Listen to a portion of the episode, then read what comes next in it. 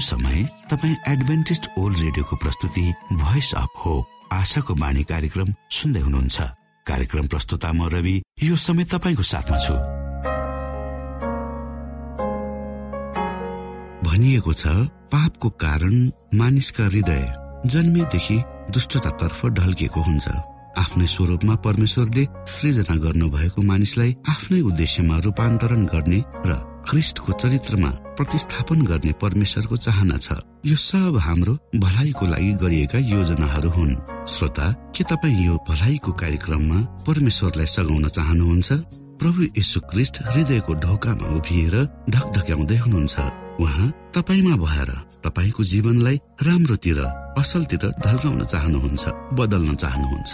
आशाको बाणी कार्यक्रमलाई नियमित सुनेर परमेश्वरको चाहनाको महत्वलाई बुझेर बाँच्नुको महत्वलाई यहाँले बुझ्नु सक्नुहुनेछ भनेर हामी विश्वस्त छौ। आउनुहोस् फेरि तपाईँलाई न्यानो स्वागत गर्दै हाम्रो कार्यक्रमलाई सुनिदिनु हुन अनुरोध गर्दै मिठो भजन यहाँ सामु राख्दैछु।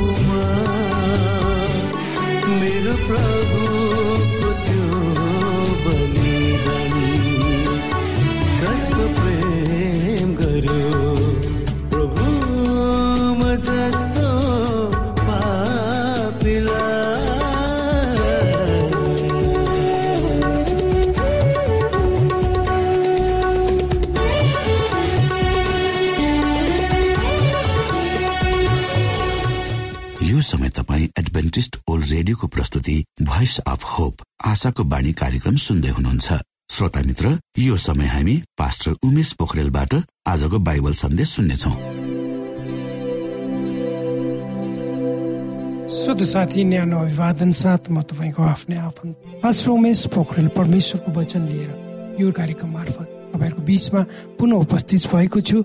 मलाई आशा छ तपाईँका दिनहरू ठिकठाकसँग शान्तिमा परमेश्वरको उपस्थितिमा अगाडि बढ्दैछन्। आउनुहोस् आजको प्रस्तुतिलाई पस्कनुभन्दा पहिले म परमेश्वरमा अगुवाईको लागि बिन्ती राख्नेछु।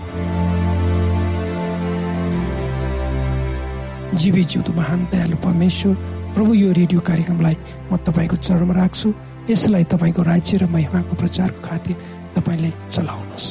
धेरै मानिसहरूले यो कार्यक्रम मार्फत तपाईँको ज्योतिलाई देख्न सकुन् तपाईँको राज्यमा प्रवेश गर्न सकुन्। सबै बिन्ती प्रभु यीशुको नाममा। आमेन। श्रोत साथी आजको यो मेरो प्रस्तुति छ सैतानको बारेमा। सैतान एउटा धोके बाज हो। यसले हामी सबैलाई उसको बहकाउमा पारेर अन्त्यमा मृत्युतर्फ लान्छ। सैतान विभिन्न किसिमले तपाईँ र मसँग प्रस्तुत हुन्छ। एउटा मित्रको रूपमा राम्रो आकर्षक वस्तुको रूपमा धन सम्पत्तिको लालसाको रूपमा प्रतिष्ठा प्राप्त गर्ने लोभको रूपमा आदि प्रभु येसुले सुरुदेखि नै सैतान एक हत्यारा हो भनी भन्नुभएको छ जसलाई यहुन्ना भन्ने पुस्तक छ कवि धर्मशास्त्र बाइबलको आठ अध्यायको चौवालिसमा यसरी लेखिएको छ।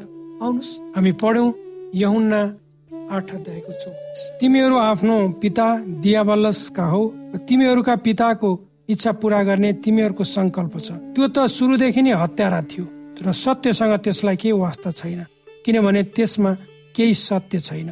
जब त्यसले झुट बोल्दछ त्यो आफ्नै स्वभाव अनुसार बोल्दछ किनभने त्यो झुट हो र झुटको पिता हो। यहाँ स्पष्ट रूपमा प्रभु यीशुले सैतानलाई झुट र झुटको पिता भन्नुहुन्छ र त्यो सैतानसँग सत्य छैन। सत्य परमेश्वर मात्रै हुनुहुन्छ। सैतानको ठुलो छल भनेको उसले क्रिस्टको रूपमा आफूलाई प्रस्तुत गर्नु र संसारका धेरैले उही नै क्रिस्ट हो भन्ने विश्वास गर्नु पनि हो। यी सबै कुराहरू वा शैतानका छल कपटहरूको बावजुद पनि परमेश्वरमा विश्वास गर्ने योग्य जनहरू अन्तसम्म रहन्छन्। भनेर बाइबलले भन्छ। जसलाई रेमिनेन्ट भनिन्छ।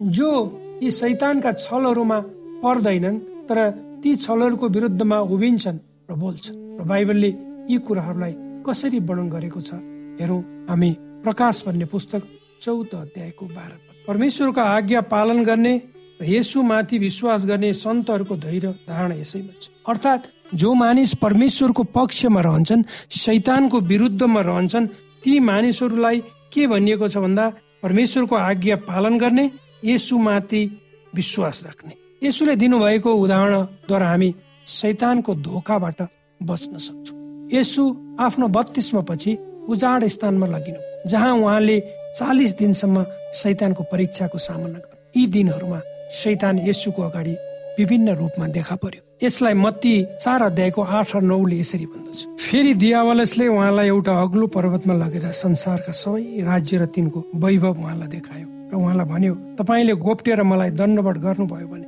यी सबै थोक म तपाईँलाई दिनेछु। तर यसुले त्यसलाई भन्नुभयो दश पदमा सैतान त दूर होइजा किनभने लेखिएको छ तैले परमप्रभु आफ्नो परमेश्वरलाई दण्डवट गर्नु र उहाँको मात्र सेवा तब दियावालस उहाँलाई छोडेर गयो र स्वर्गदूतहरूले आएर उहाँको सेवा ढल सैतानले यसुलाई उसको आराधक बनाउने प्रयास गर्यो। त्यसै गरी अन्तिमको दिनहरूमा सैतानले साँचो परमेश्वरलाई आराधना नगरी पशुको आराधना गर्न वा उसको आराधना गर्न मानिसहरूलाई बाध्य गराउँदछ।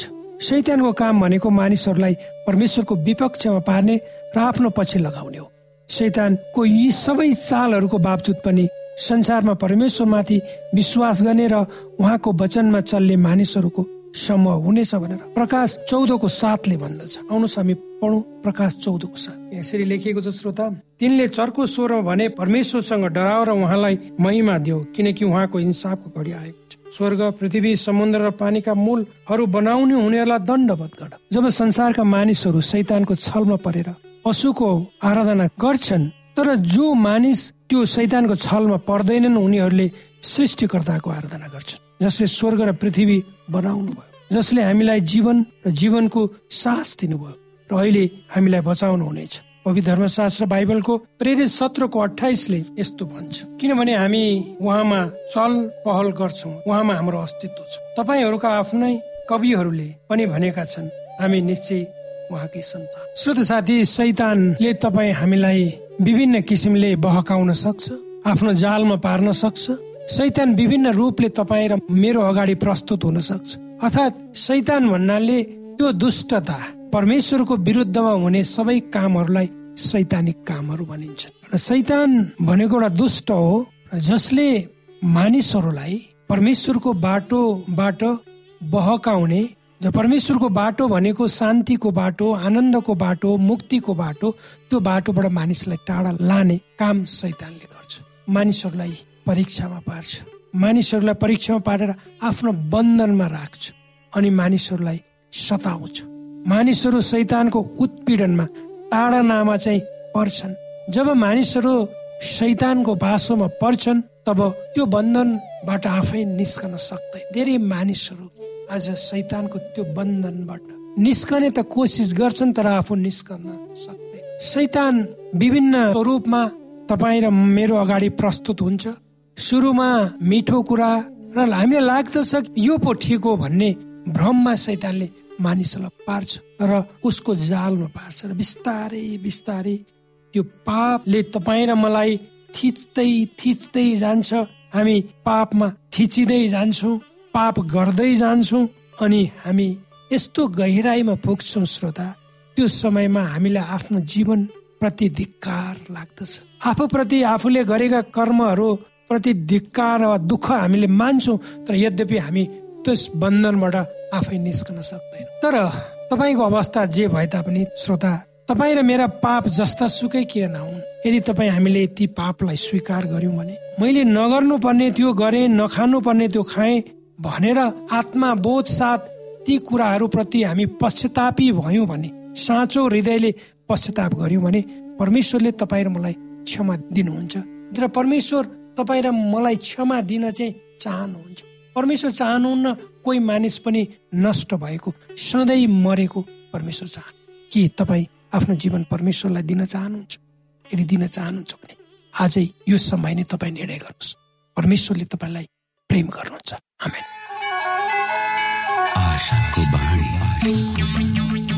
श्रोता भर्खरै यहाँले पास्टर उमेश पोखरेलबाट बाइबल वचन सुन्नुभयो। यो समय तपाईँ एडभेन्टिस्ट ओल्ड रेडियोको प्रस्तुति भोइस अफ होप आशाको बाणी कार्यक्रम सुन्दै हुनुहुन्छ। कार्यक्रम सुनेर बस्नुहुने सबै श्रोतालाई हामी हाम्रो कार्यक्रममा स्वागत गर्न चाहन्छौ। श्रोता मित्र यदि तपाईँ जीवनदेखि हरेस खानु भएको छ तपाईँका जीवनमा धेरै अनुत्तरित प्रश्नहरू छन् भने आउनुहोस् हामी तपाईँलाई परमेश्वरको ज्योतिमा डोहोर्याउन चाहन्छौँ। र तपाईँ आफ्नो जीवनका चिन्ता फिक्रीबाट निश्चिन्त हुनुहोस् र बाँच्नुको आनन्द परमेश्वरको सामिप्यमा कति मिठो हुन्छ त्यो चाख्नुहोस् भनी हामी चाहन्छौँ। श्रोता यदि तपाईँ आशाको बाणी कार्यक्रमलाई अनलाइन सुन्न चाहनुहुन्छ वा डाउनलोड गर्न चाहनुहुन्छ भने डट ओआरजीमा जानुहोस्। त्यहाँ तपाईँले प्रत्येक दिनको कार्यक्रम सुन्न र डाउनलोड गर्न सक्नुहुनेछ। हाम्रो वेब पेज यस प्रकार छ ओआरजी श्रोता यदि तपाईँ हामीसित सिधै फोनमा सम्पर्क गर्न चाहनुहुन्छ भने हाम्रा नम्बरहरू यस प्रकार छन्। अन्ठानब्बे एकसाठी पचपन्न शून्य एक सय बिस। अन्ठानब्बे एकसाठी पचपन्न शून्य एक सय बिस। र अर्को अन्ठानब्बे अठार त्रिपन्न पन्चानब्बे पचपन्न। यो आशाको बाणी रेडियो कार्यक्रम हो। म प्रस्तुता धनलाल राई यहाँहरूलाई यस कार्यक्रममा न्यानो स्वागत गर्दछु। श्रोता साथी हामीले तपाईँको बीचमा उद्देश्य प्रेरित पुनर्जन्म देश देशभरको आत्मा परिवर्तनको कथाहरू लिएर आइरहेका छौँ। आजको कथा जापानिज पास्टरले तीस हजार डलर पाउँछन् आन्द्रु मेलेक्ची जापानबाट।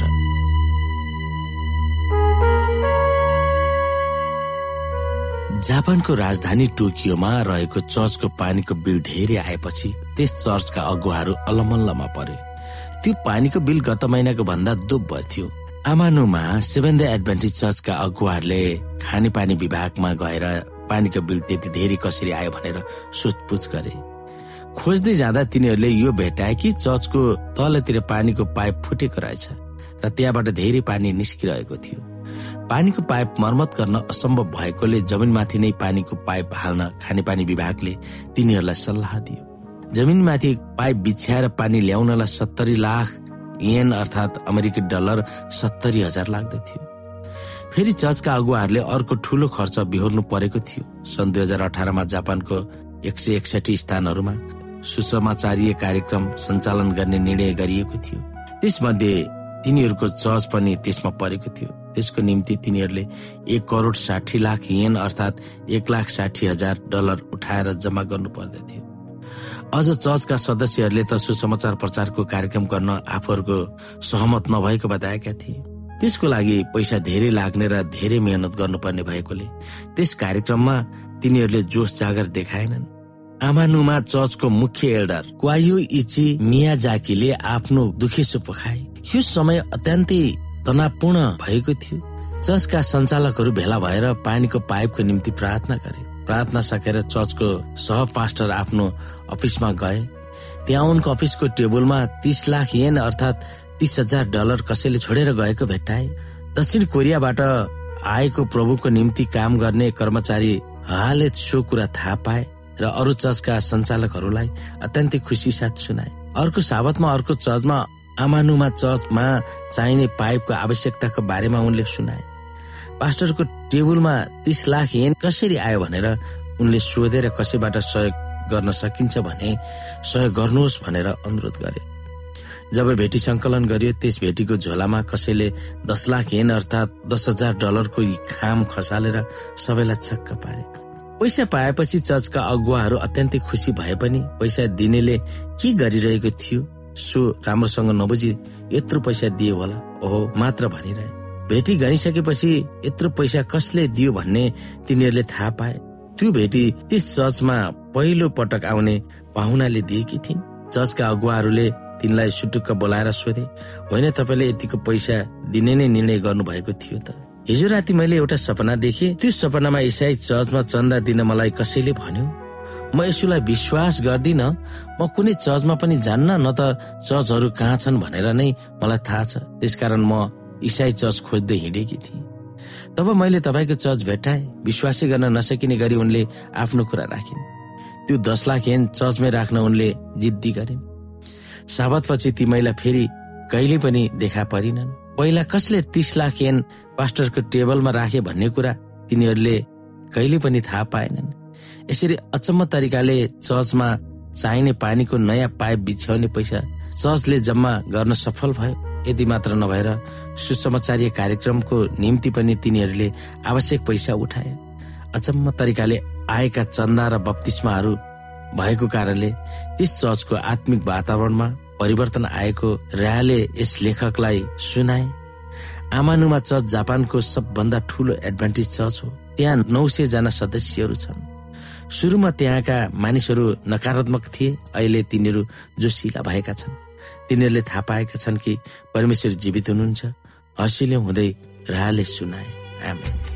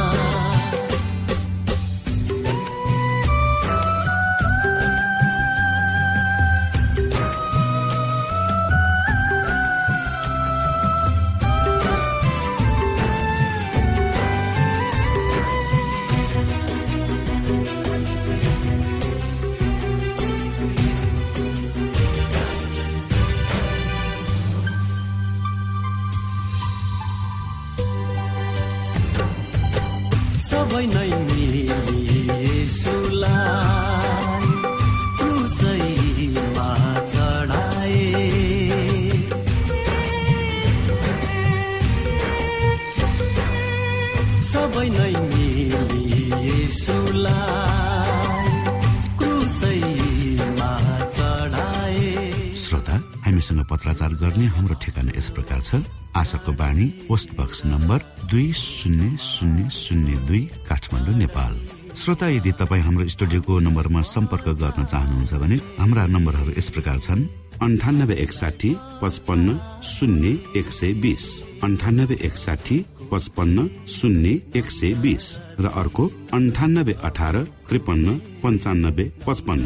अन्ठानब्बे अठार त्रिपन्न पन्चानब्बे पचपन्न। हाम्रो इमेल एड्रेस यस प्रकार छ Nepal at AWR dot org यदि तपाईँ हामीलाई अनलाइन सुन्न चाहनुहुन्छ वा डाउनलोड गर्न चाहनुहुन्छ भने तपाईँ W W W dot AWR dot ओआरजीमा जानुहोस् र त्यहाँ तपाईँले हाम्रो सबै कार्यक्रमहरू सुन्न सक्नुहुनेछ। हवस् त श्रोता भोलि फेरि यही स्टेशन र यही समयमा यहाँसँग भेट्ने आशा राख्दै प्राविधिक साथी राजेश पास्टर उमेश पोखरेल र कार्यक्रम प्रस्तुता म रवि। यहाँसँग विदा माग्दछौ। नमस्कार।